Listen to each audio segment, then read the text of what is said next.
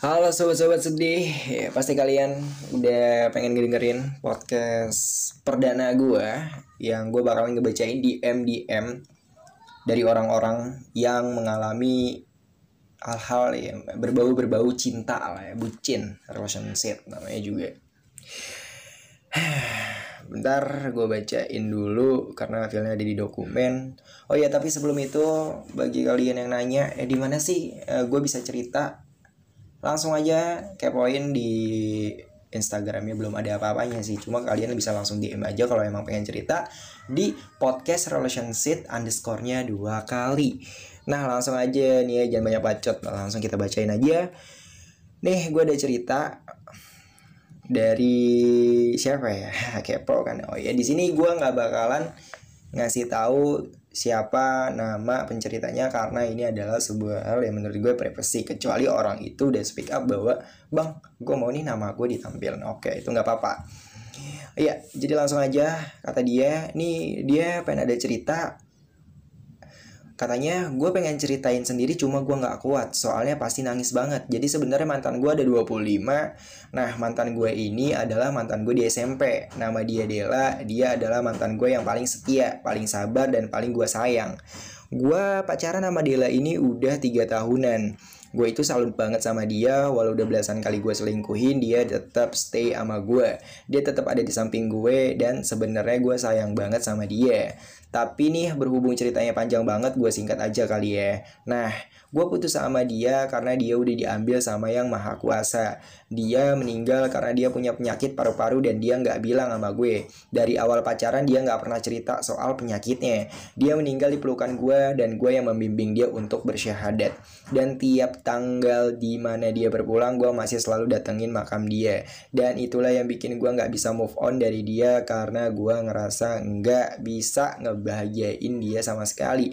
Dan itu kesalahan gue yang nggak bisa gue tebus. Itulah keluh kesah dari hati gue waktu dulu sampai sekarang sorry kalau kepanjangan makasih udah nyediain tempat untuk gue cerita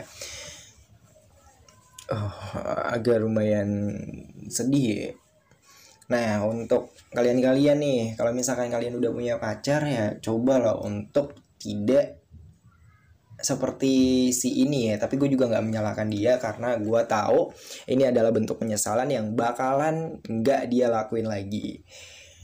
Kalau udah kayak gini, yang dirugikan itu ya bukan siapa pun ya diri sendiri aja kenapa pas uh, ada orang yang baik kayak gitu lo nggak bisa setia lo nggak bisa benar-benar mencintai dia dengan sepenuh hati gitu loh.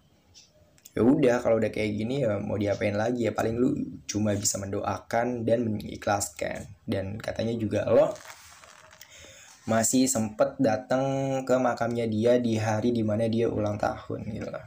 Itu menurut gue hal-hal yang positif dan tidak diharuskan juga gitu loh.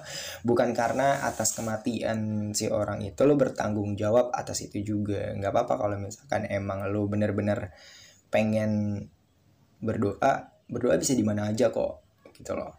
Nggak memaksakan lo harus ke tempatnya juga. Tapi kalau misalkan emang lo kangen banget sama kenangan-kenangannya lo kangen banget sama orang itu ya akan lebih baiknya seperti yang lo lakukan ini. Nah sobat-sobat sedih ya yang dengerin gue tentunya ingat kalau misalkan udah kayak gini yang repot itu diri sendiri. Bukan siapa pun penyesalan tuh datangnya di akhir. Ya kalau misalkan lu udah dapet orang baik ya lu jaga baik-baik juga hubungan lo gitu loh. Kalau misalkan eh, sang kuasa narik orang itu gimana? Yang nyesel siapa? Ya mungkin itu aja cerita yang bakalan gue kasih. Dan gue juga terima kasih banget untuk lo yang udah cerita tentang pengalaman relationship yang di perdana kali ini agak lumayan sedih ya. Oke okay, thank you so much.